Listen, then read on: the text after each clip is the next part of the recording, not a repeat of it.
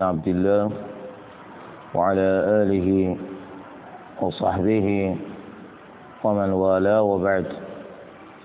السلام عليكم ورحمة الله وبركاته. لقد لقد سبق أن تكلمنا في قول المصنف وأفضل المساجد مسجد المدينة. والمسجد الحرام بمكة.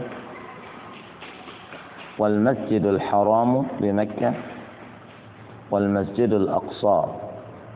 هذه المساجد الثلاثة هي أفضل المساجد بالإطلاق. وذلك للأدلة التي تدل على ذلك من قول النبي صلى الله عليه وآله وسلم صلاة في مسجدي هذا أفضل من ألف صلاة فيما سواه إلا المسجد الحرام. فذكر النبي صلى الله عليه وآله وسلم فضل الصلاة في مسجده وفي مسجد وفي المسجد الحرام.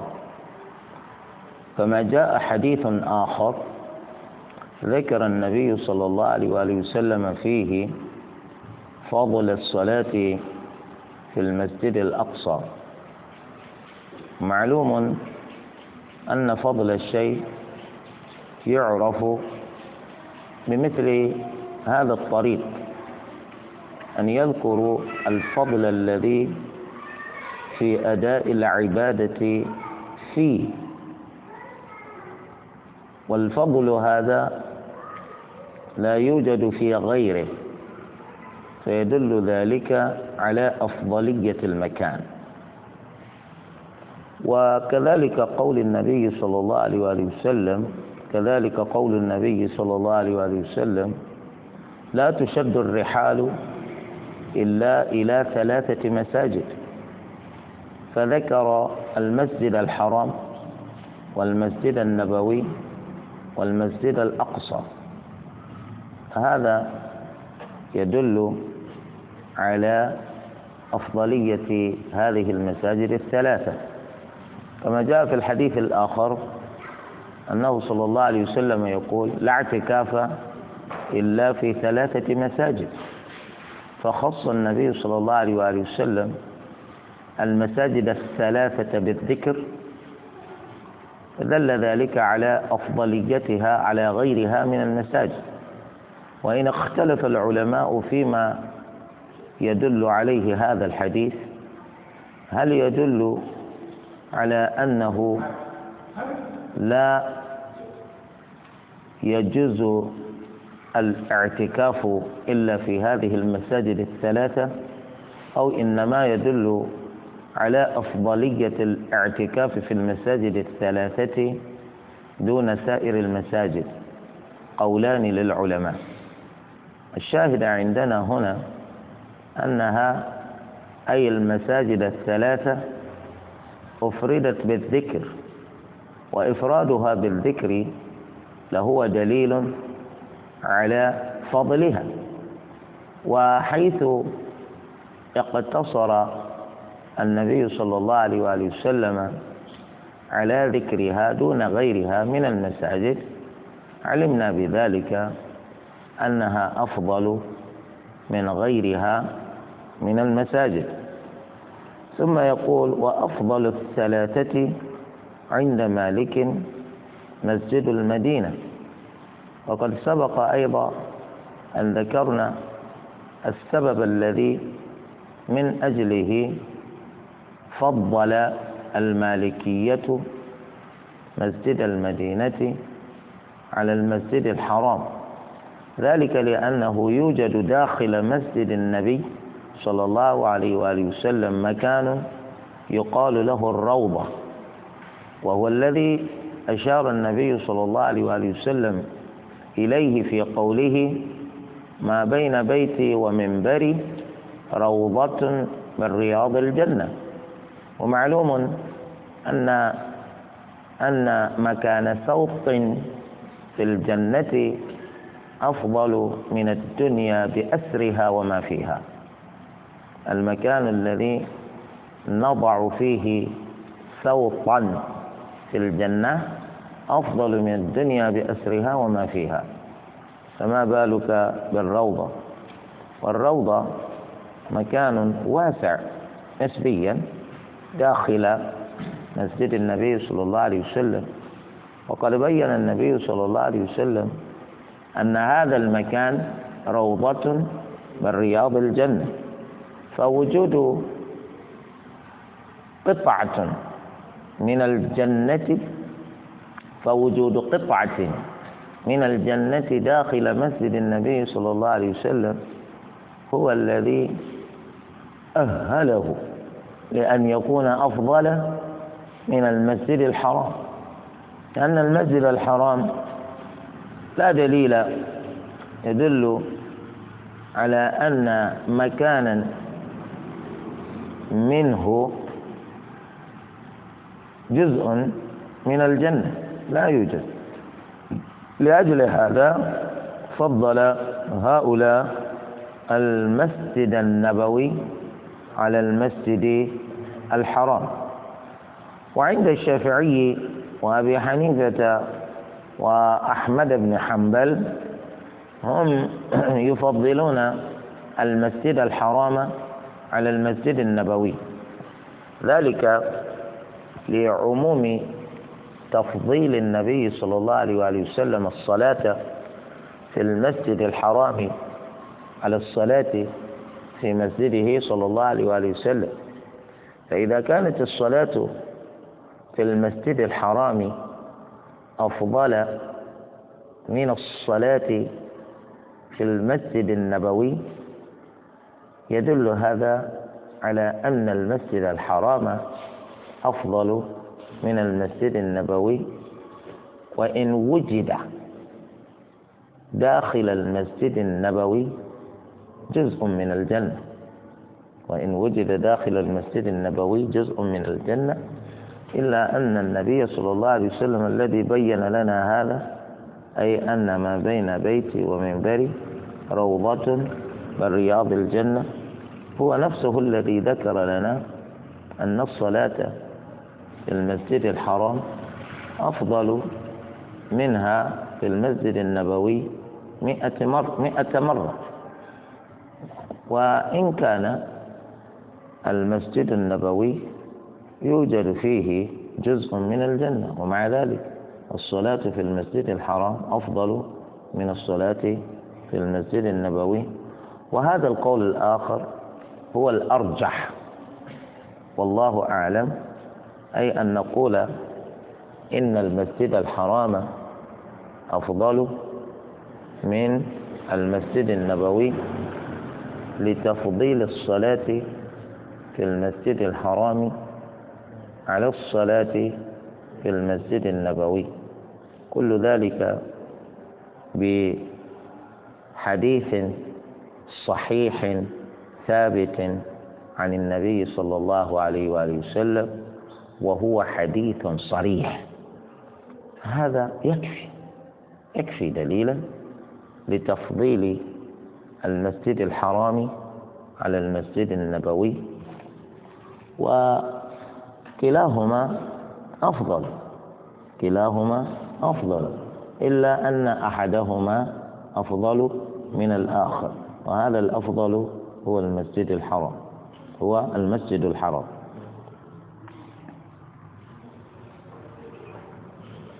كما أن مالكا فضل المدينة على مكة خلافا لهما. الإمام مالك يرى أن المدينة أفضل من مكة أن المدينة أفضل من مكة. ذلك لأن المدينة تحوي جزءا من الجنة ومكة لا تحوي جزءا من الجنة.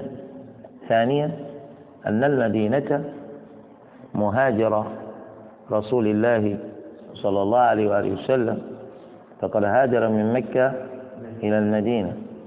ولو كانت مكة أفضل من المدينة لما هاجر النبي صلى الله عليه وسلم منها. ولو هاجر منها لعاد إليها. ولما هاجر منها ولم يعد إليها علمنا بذلك أن المدينة أفضل من مكة. ثم إن الحديث النبوي ذكر بأن المدينة دار الإيمان لأن المدينة دار الإيمان وأن الإيمان يأرز أي يرجع إلى المدينة كما تأرز الحية إلى جحرها. أي في آخر الزمان الإيمان يعود من كل مكان هو فيه في الدنيا إلى المدينة. والمدينة دار الإيمان فهي أفضل عند المالكية من مكة. إلا أن آه، العلماء الآخرين وهم آه، أبو حنيفة والشافعي وأحمد يرون أن مكة أفضل من المدينة. أن مكة أفضل من من المدينة. لماذا؟ لأن مكة آه، هي التي بها الكعبة. هي التي بها الكعبة. والكعبة أول بيت وضع للناس للعبادة. أول بيت وضع للناس للعبادة. ثم مكة هي أم القرى. مكة هي أم القرى بنص القرآن. يقول الله عز وجل لتنذر أم القرى ومن حوله فمكة أم القرى وهذا يكفي دليلا لتفضيلها على غيرها. دلالة الآية دلالة الآية القرآنية الصريحة على أن مكة أم القرى. على أن مكة أم القرى. ولا وجود لدليل كهذا للمدينة. لا يوجد دليل يقول إن المدينة أم القرى. لا مكة. مكة أم القرى. وبمكة الكعبة المشرفة. فلأجل هذا نقول نعم مكة أفضل من المدينة على الصحيح إن شاء الله.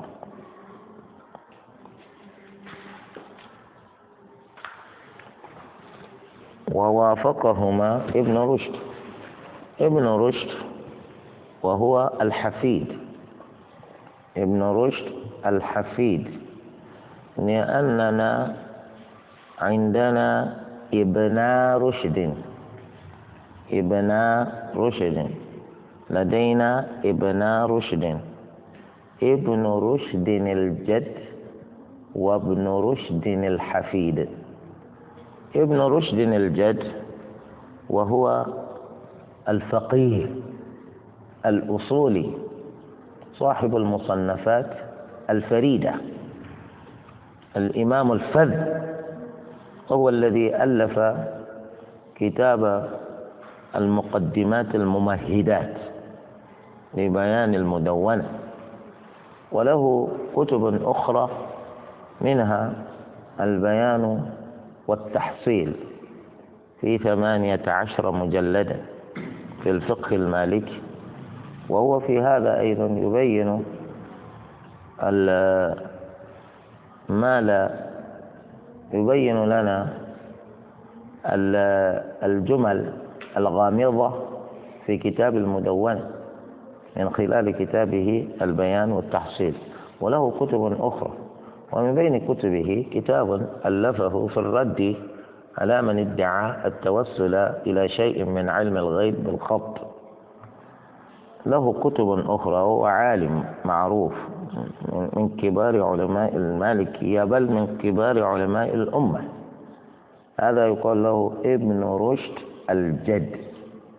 وابن رشد الحفيد هذا هو صاحب كتاب المشهور الذي ما ألف مثله في الفقه. هذا الكتاب كتاب فريد وهو كتاب بداية المجتهد ونهاية المقتصد. هذا الذي كتب هذا هو حفيد ذاك هو ابن ابن ذاك. الأول هذا جده وهذا حفيده. وهذا هو فيلسوف فيلسوف ولكنه فقيه كذلك. له هذا الكتاب اسمه بداية المجتهد ونهاية المقتصد. هذا الكتاب يدرس لطلاب الجامعات الإسلامية في كليات الشريعة في العالم العربي. وهو كتاب جيد وكتاب صعب لكنه مفيد جدا. هذا ألفه آه، ألفه الإمام ابن رشد الحفيد الفيلسوف. له أخطاء فيما يتعلق بأمور العقيدة ولكنه فقيه. وله كتاب اسمه تهافت التهافت. تهافت التهافت. ألفه ليرد به على أبي حامد الغزالي في كتابه الذي ألفه للرد على الفلاسفة وسمى كتابه تهافت الفلاسفة. الغزالي كتب كتابا اسمه تهافت الفلاسفة. وابن رشد هذا هو ألف كتابا ليرد على الغزالي سماه تهافت التهافت. على أي حال هو فقيه ولكنه ذو أخطاء فيما يتعلق بأمور العقيدة وذلك لانغماسه في الفلسفة. فابن رشد الذي يشير إليه المؤلف هنا هو الجد هو الجد. أي أن ابن رشد الجد يوافق الجمهور في تفضيل مكة على المدينة. المسألة الثانية ماذا يقال عند الدخول والخروج من المساجد؟ نحن جميعا على يقين بأن المساجد بيوت الله وبيوت الله لها آداب يجب أن يتحلى بها كل من أراد أن يدخل إليها. لأن الله عز وجل آه، جعل المساجد كلها له وقال سبحانه وأن المساجد لله وأن المساجد لله. والمساجد بيوت الله. والمساجد بيوت الله. فإذا أردت أن تدخل بيت شخص الإسلام لا يسمح لك أن تدخل دون السلام والاستئذان. دون السلام والاستئذان. فما بالك بمن أراد أن يدخل بيت الله؟ ما بالك بمن أراد أن يدخل بيت الله؟ فيقول المصنف يقال عند دخول المسجد اللهم افتح لي أبواب رحمتك. وذلك لأن لأن أرجى ما يرتجى عند دخول المساجد رحمة الله. أرجى ما يرتجى عند دخول المساجد رحمة الله. أنت تريد رحمة الله. لذلك دخلت إلى المسجد. وإذا عبدت الله عز وجل أنت ترجو من وراء هذه العبادة رحمة الله. ولذلك تدعو بالرحمة عندما تدخل إلى المسجد. اللهم افتح لي أبواب رحمتك. أما أن تقول اللهم افتح لي أبواب فضلك اللهم اجعلني غنيا اجعلني ثريا. ها؟ وأنت تدخل المسجد؟ إذا جعلت المسجد كدور الشرك كالكنائس والصوامع. لأن أرباب الكنائس من النصارى والصوامع من اليهود هم أصلا يعبدون يعبدون وفق طقوسهم الشركية لأنهم يريدون المال أو الاستزادة من المال. أما المسلم فهو يعبد ربه ابتغاء رحمة الله ابتغاء رحمة الله. فلذلك لما تدخل المسجد فإنك تنسى الدنيا وهمومها. تنسى الدنيا وهمومها وتقبل بدخولك على الله. تقبل بدخولك على الله. فلذلك حري بك أن تقول هذا الدعاء. اللهم افتح لي أبواب رحمتك. أي يا ربي رحمتك أرجو. رحمتك أرجو. فهذا الدعاء ينبغي لكل مسلم أن يحفظه وأن يمارس قوله عند إرادته الدخول إلى المسجد.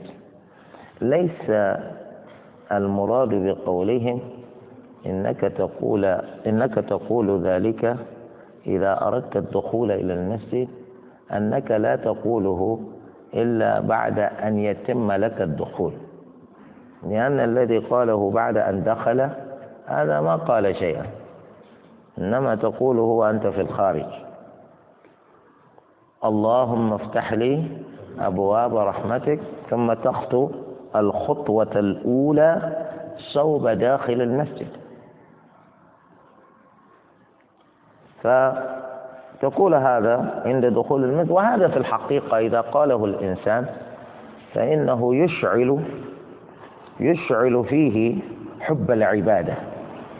يجده يتوق إلى أن يعبد الله بكل إخلاص.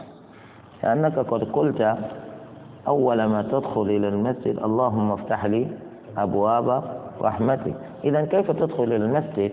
وقد قلت مثل هذا الدعاء لتفكر في الدنيا تفكر في التجارة تفكر في مالك وتفكر في أولادك وتفكر في كذا. وأنت قلت عند دخولك اللهم افتح لي. أها فلذلك فانتبه انتبه إلى معنى ما تقول. إذا انتبهت إلى معنى ما تقول هذا يكفي يكفي لمنعك من أن تفكر فيما لا ينبغي التفكير فيه داخل المسجد. ولذلك العجب الذين لا يجيدون اللغة العربية يحتاجون إلى أن نترجم لهم معاني ما يقولونه باللغة العربية. لأن اللغة العربية ليست لغتهم وأكثرهم لا أقول كثير منهم أكثر العجم لا يجيدون اللغة العربية. وهم والحمد لله قد دخلوا في الإسلام أفواجا وهم أيضا كغيرهم من إخوانهم العرب يتشوقون إلى أن يدخلوا الجنة ويريدون أن يعبدوا الله على وجه يجعل الله عز وجل راضيا عنهم. فكيف تتحقق لهم هذه المعاني العظيمة؟ إذا جهلوا معاني ما يتفوهون به باللغة العربية. أنت تقول شيئا لا تعرف معناه. فإن ذلك لا يكون أوقع في نفسك كأن تعرف معناه. لذلك لما يأتي واحد يصلي يقول الله أكبر. إذا فهمت معنى الله أكبر فإنك في الحقيقة تقبل على الله بجسمك كله وبقلبك كله. لأنك قلت الله أكبر أي أكبر من كل شيء. أما إذا كان الإنسان لا يعرف معنى الله أكبر ربما صلى والتفت يمنة ويسرى. وربما تتبع بعينيه القادم القادمة والخارجة من المسجد وهو يدعي الصلاة. أما إذا بينا له خارج الصلاة طبعا أتدري معنى الله أكبر الذي نقوله في الصلاة؟ ما معناه؟ يقول ما أدري. إنما سمعتكم تقولونه فقلت. فنقول له معنى الله أكبر الله هو خالقنا. الله هو مالكنا. الله هو معبودنا. الذي نعبده وحده لا شريك له في هذه العبادة كما أنه لا شريك له في خلقه إيانا كذلك لا شريك له في عبادته وحده. قلنا إنه أكبر من كل شيء. هذا يزيده يزيده إيمانا على إيمانه ويفهم الصلاة كما لم يفهمها قبل.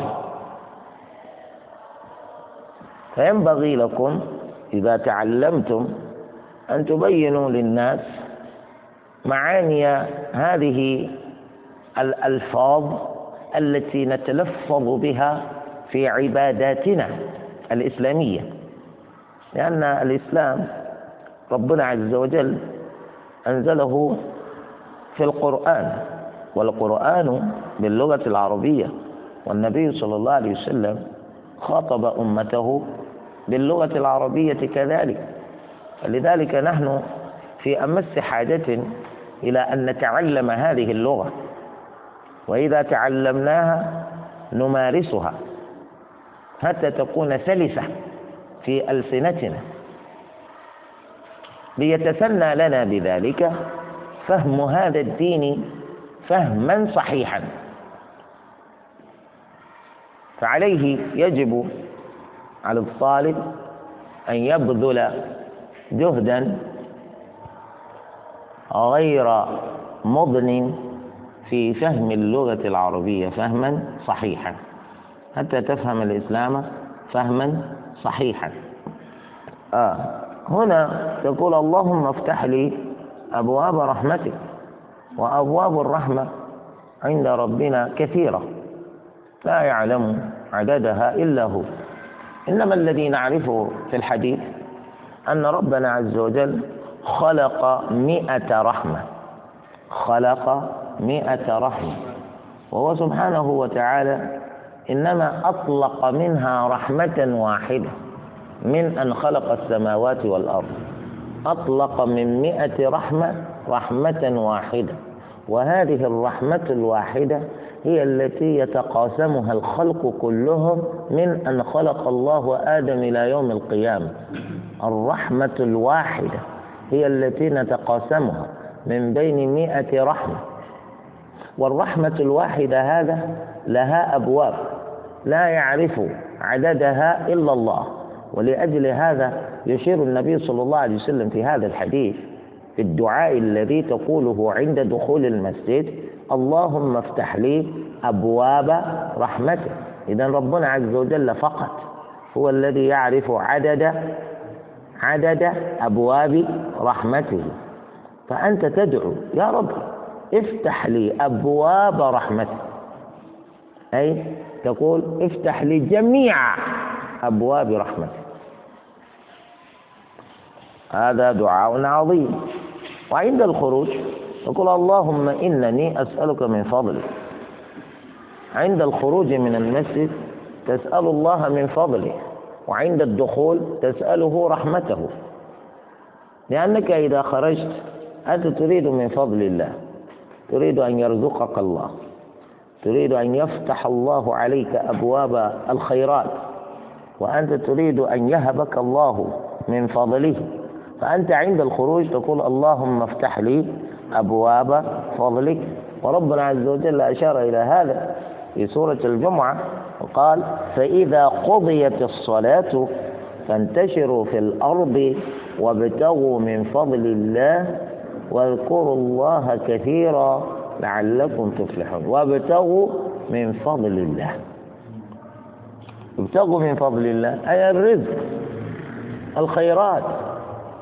لا تجلس المسجد بعد الصلاة بعد إتيانك بالأذكار اذهب إلى عملك توكل على الله.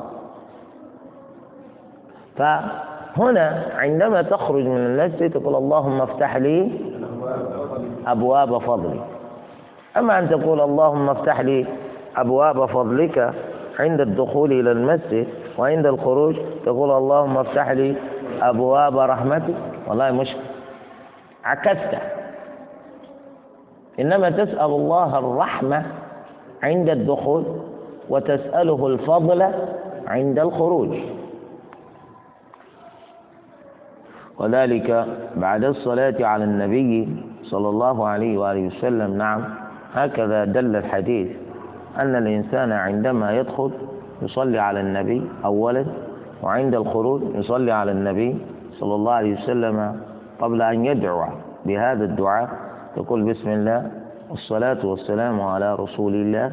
اللهم افتح لي أبواب رحمتك. وعند الخروج بسم الله والصلاة والسلام على رسول الله. اللهم اللهم إني أسألك من فضلك. أسألك من فضلك. وقد ورد أن يقال عند الدخول نعم هذا بالكمال والتمام. هذا بالكمال والتمام. جاء في الحديث أنك إنما تقول هذا الحديث رواه أبو داود عن عبد الله بن عمرو بن العاص وهو حديث صححه الشيخ الألباني رحمه الله أنك تقول عند الدخول بالتمام والكمال أعوذ بالله العظيم وبوجهه الكريم وسلطانه القديم من الشيطان الرجيم. بسم الله والصلاة والسلام على رسول الله. اللهم افتح لي. لكن على وجه الاختصار تقول اللهم افتح لي أبواب رحمتك عند الدخول واختصارا عند الخروج. اللهم اللهم إني أسألك. هذا هو. لأن الإنسان إذا نسي كل شيء إن شاء الله لا ينسى هذا. إذا جهل كل شيء لا يجهل هذا. الثانية فيما تنزه عنه المساجد. إذا كان الإنسان قبل هذا يريد أن يقول هذا الدعاء الطويل عند دخوله المسجد بيد أنه لا يحفظه أيجوز له أن يمسك كتيبا كتب فيه ذلك الدعاء أو ورقة نسخ ذلك الدعاء فيها هل يجوز له أن يمسك بها؟ ويقول دعاءه قراءة من الورقة ثم يدخل؟ نعم يجوز له ذلك. يجوز أن تمسك الورقة. أعوذ بالله العظيم. وبوجهه الكريم وسلطانه القديم. من الشيطان الرجيم. بسم الله والصلاة والسلام على رسول الله. اللهم افتح لي أبواب رحمتك. وأنت لا تزال تكرر ذلك قراءة من ورقتك حتى تحفظه إن شاء الله. هذا هو. المسألة الثالثة فيما تنزه عنه المساجد. هناك أشياء ينبغي إبعاده عن المسجد. لا يجوز فعله داخل المسجد. لأن المسجد كما قلنا بيت الله.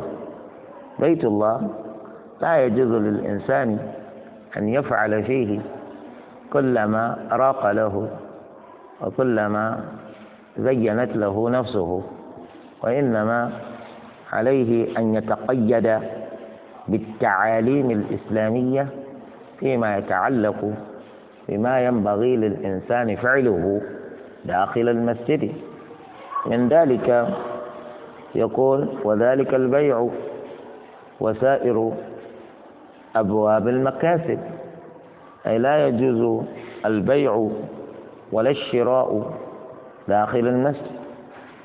لا تبيع شيئا ولا تشتري شيئا داخل المسجد. كذلك جميع أوجه المكاسب إما الإجارة لا يجوز داخل المسجد. الوكالة لا تجوز داخل المسجد. الشراكة لا لا تجوز داخل المسجد. المضاربة لا تجوز داخل المسجد. المسجد لا يجوز فيه البيع ولا الشراء ولا كل ما يتعلق بهما داخل المسجد. لأن النبي صلى الله عليه وآله وسلم يقول إذا رأيتم من يبيع ويشتري داخل المسجد تقولون له لا ربح الله تجارتك. لا ربح الله تجارتك.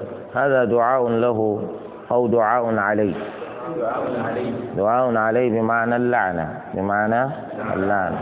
لماذا تلعني؟ لماذا تلعنني وأنا أخوك المسلم؟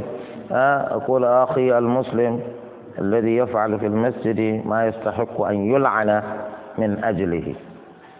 الذي تفعله داخل المسجد هو الذي يوجب اللعنة. ولذلك لعنتك. ولذلك لعنتك. لكن واحد دخل إلى المسجد بجواله وعرضه للبيع. من يأخذ مني هذا بخمسين ألف نيرة. نقول لا ربح الله تجارتك. فهمتم؟ لا ربح الله تجارتك. لكنه يقول إذا إذا خرجت من المسجد أريد منك أن تشتري لي مثل هذا الجوال. إذا خرجت من المسجد أريد منك أن تشتري لي مثل هذا الجوال. هل هذا يبيع أو يشتري؟ لا يبيع شيئا ولا يشتري شيئا. إنما يرسل من يذهب ليشتري له. إن شاء الله لا بأس بهذا ما لم يكثر لا بأس بهذا ما لم يكثر فنقول لك أنت لا تفكر في إرسال أحد ليشتري لك شيئا إلا وأنت داخل المسجد. ماذا بك؟ فهذا هو. كذلك وإنشاد وإنشاد الضالة آه، ضاع منك شيء. ضاع منك شيء. ضاعت منك نظارتك. ضاعت منك نظارتك. فتقوم في المسجد. فتقول هل رأى أحد منكم لي نظارتي؟ نقول لا أعاد الله إليك نظارتك. لا أعاد الله إليك نظارتك. يعني هذا أمرنا النبي صلى الله عليه وسلم بذلك كذلك. إذا المكان المسجد ليس مكانا لإنشاد الضالة ليس مكانا لإنشاد الضالة أي أنت لا تعلن فقدك شيء فقدك شيئا داخل المسجد. لا تعلن فقدك شيئا داخل المسجد.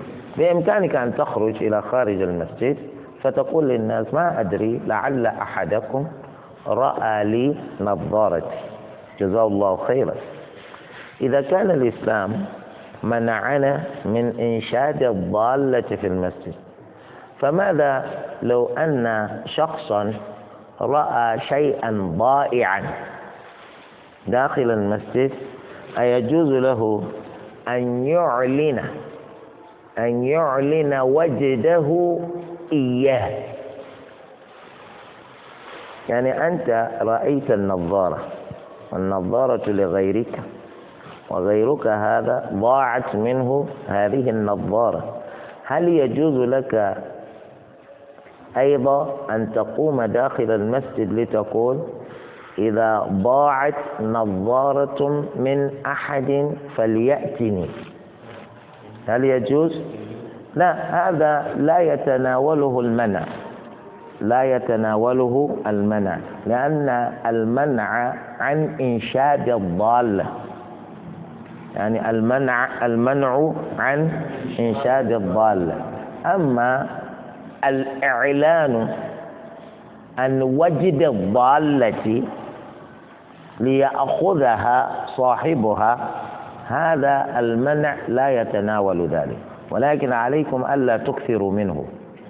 لا تكثروا من هذا. ثم إن الإنسان الذي ضاع منه شيء قد يقصد الإمام. فيقول يا إمام ساعتي لا أدري أين وضعتها وأنا في مكان الوضوء.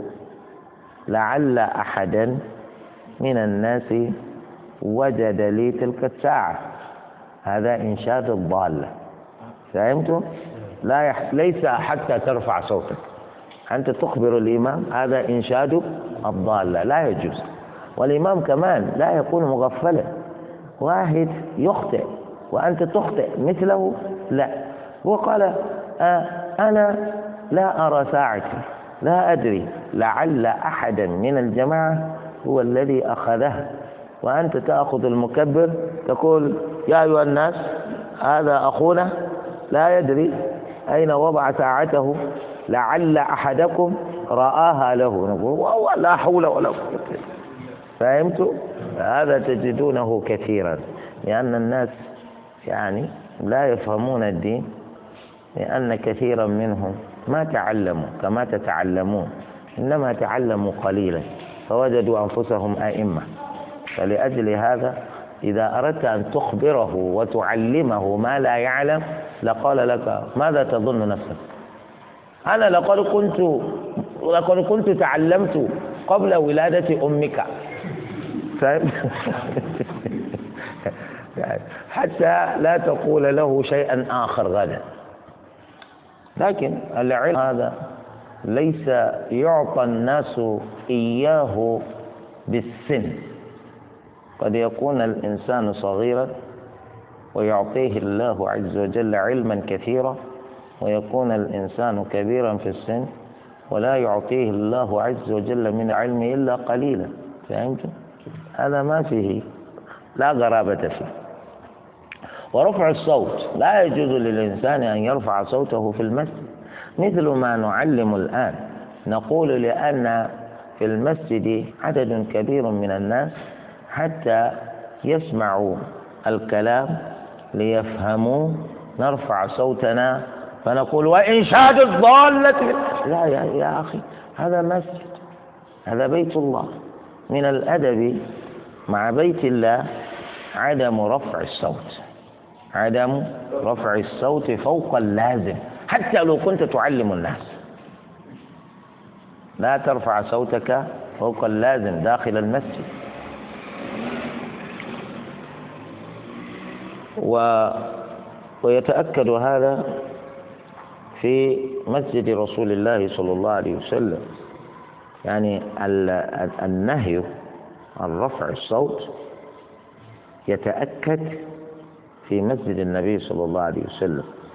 الإمام مالك رأى من يتكلم في المسجد النبوي وهو يرفع صوته فمنعه من ذلك وقرأ له قول الله عز وجل آه ولا تجهروا له بالقول كجهر بعضكم ببعض أن تحبط أعمالكم وأنتم لا تشعرون. يا أيها الذين آمنوا لا ترفعوا أصواتكم فوق صوت النبي ولا تجهروا له بالقول كجهر بعضكم لبعض أن تحبط أعمالكم وأنتم لا تشعرون. الرسول قد مات. ليس النبي صلى الله عليه وسلم يتكلم وأنت ترفع صوتك فوق صوته. هو قد مات. مع ذلك لا ترفع صوتك. ذلك لو أتيت إلى مسجد النبي صلى الله عليه وسلم ورأيت العلماء الذين يعلمون الناس هم لا يرفعون أصواتهم فوق اللازم يعتدلون في رفع أصواتهم. تأدبا. مع هذا المقام الكريم مسجد رسول الله صلى الله عليه وسلم. كذلك الأمر في جميع المساجد. إذا علمنا الناس لا نرفع أصواتنا فوق اللازم. تأدبا. مع المسجد لأن المسجد بيت الله. فما بال أولئك الذين يغنون ويضربون الطبول ويعزفون داخل المساجد معتذرين بأنهم إنما يعقدون نكاحا. هذا كثير في بلاد اليوروبا صح؟ لأنهم ليسوا متأدبين بآداب الإسلام. ظنوا أن الإنسان بإمكانه أن يفعل ما بدا له وأن الله عز وجل لن يؤاخذه. لا المسجد بيت الله. المسجد ليس مكانا للرقص ولا للغناء ولا لشيء من هذه الأمور الدنيوية الشيطانية.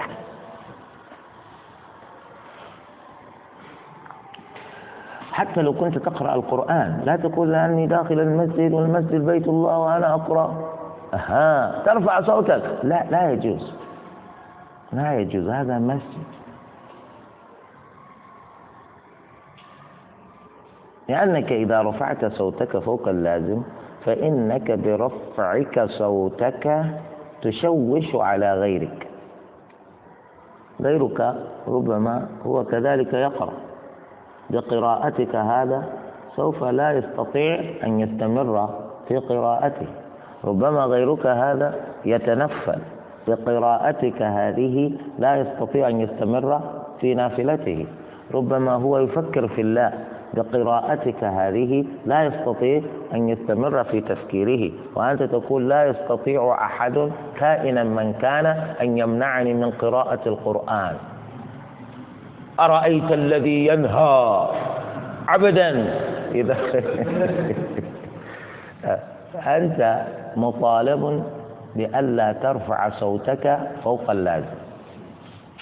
النبي صلى الله عليه وسلم خرج يوما من بيته إلى داخل المسجد فوجد الناس يصلون أفذاذا كل يرفع صوته بقراءته. فقال النبي صلى الله عليه وسلم إن المصلي إذا قام يصلي فإنما يناجي ربه فلينظر أحدكم كيف يناجيه ولا يرفع بعضكم صوته فوق فوق بعض بالقرآن. الآن كما ترون إذا صلينا المغرب فالمسبوقون الذين ما أدركوا الصلاة من أولها إذا قاموا ليتموا صلواتهم يرفعون أصواتهم عادة.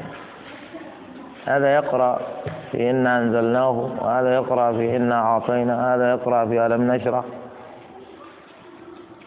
يقرأون يقرؤون كذلك بكل سرعة.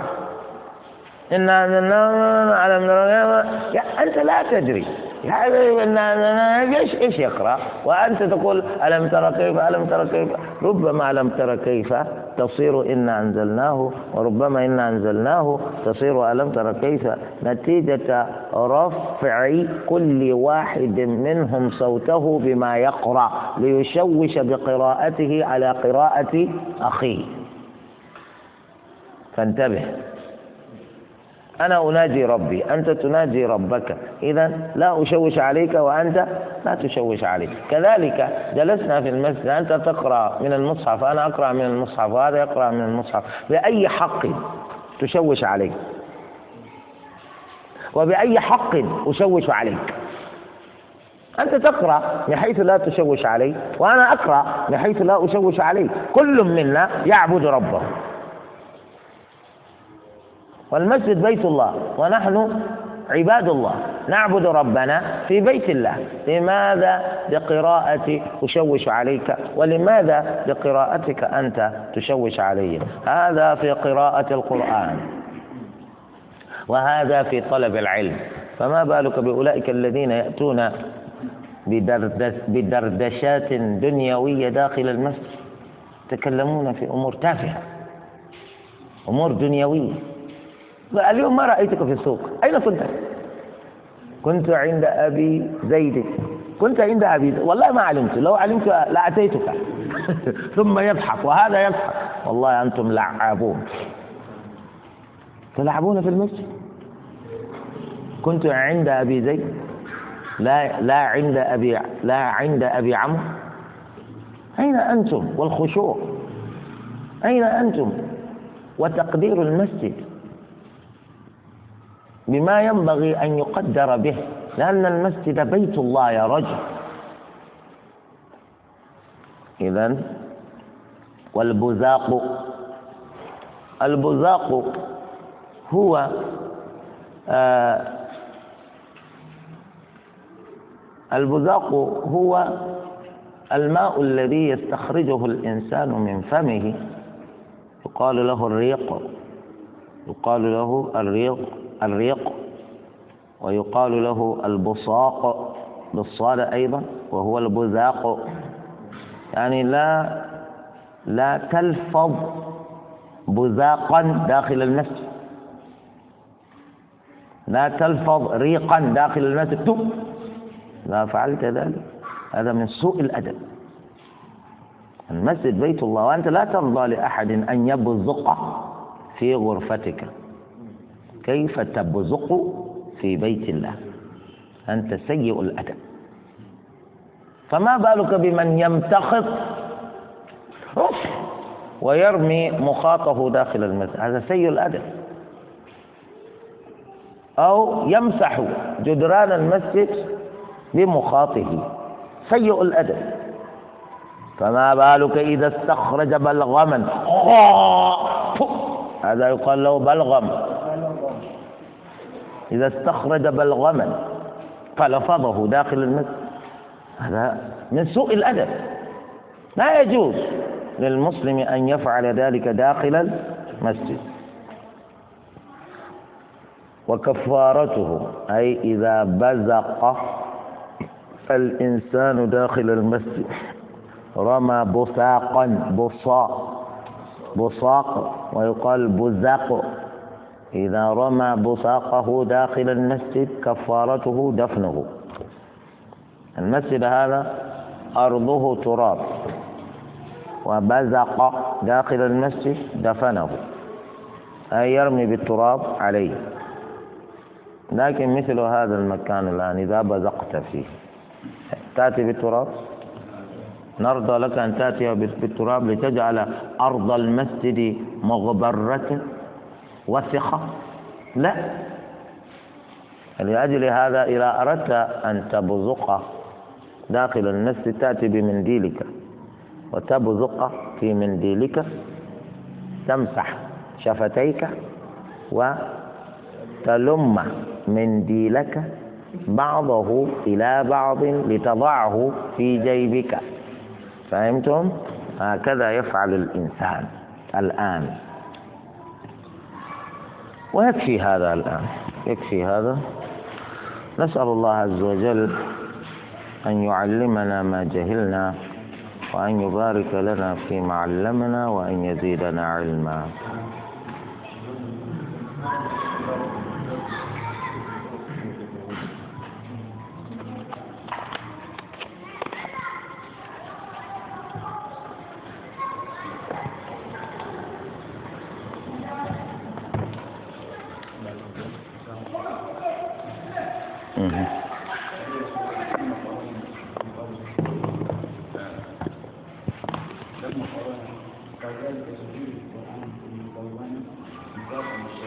أنا ما فهمت ما تقول. كذلك؟ وكذلك تسجيل القرآن بالمدون إضافة الشافعي باختلاف ما في إلى سبيل ما فهمت. كذلك ماذا قبله؟ كذلك ماذا؟ هذا يشير إلى ما سبق.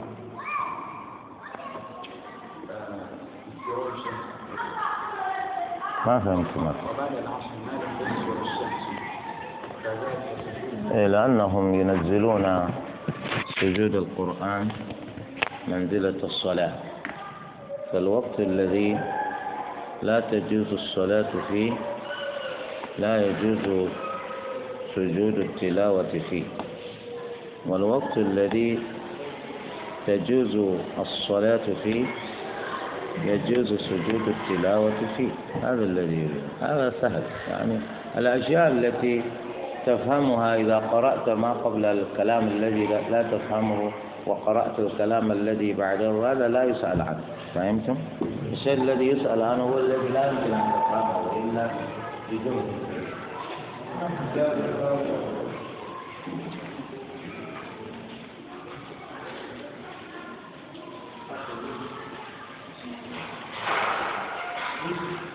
andiamo a vedere qui. Qui. Qui. Qui. Qui. Qui. Qui. Qui. Qui.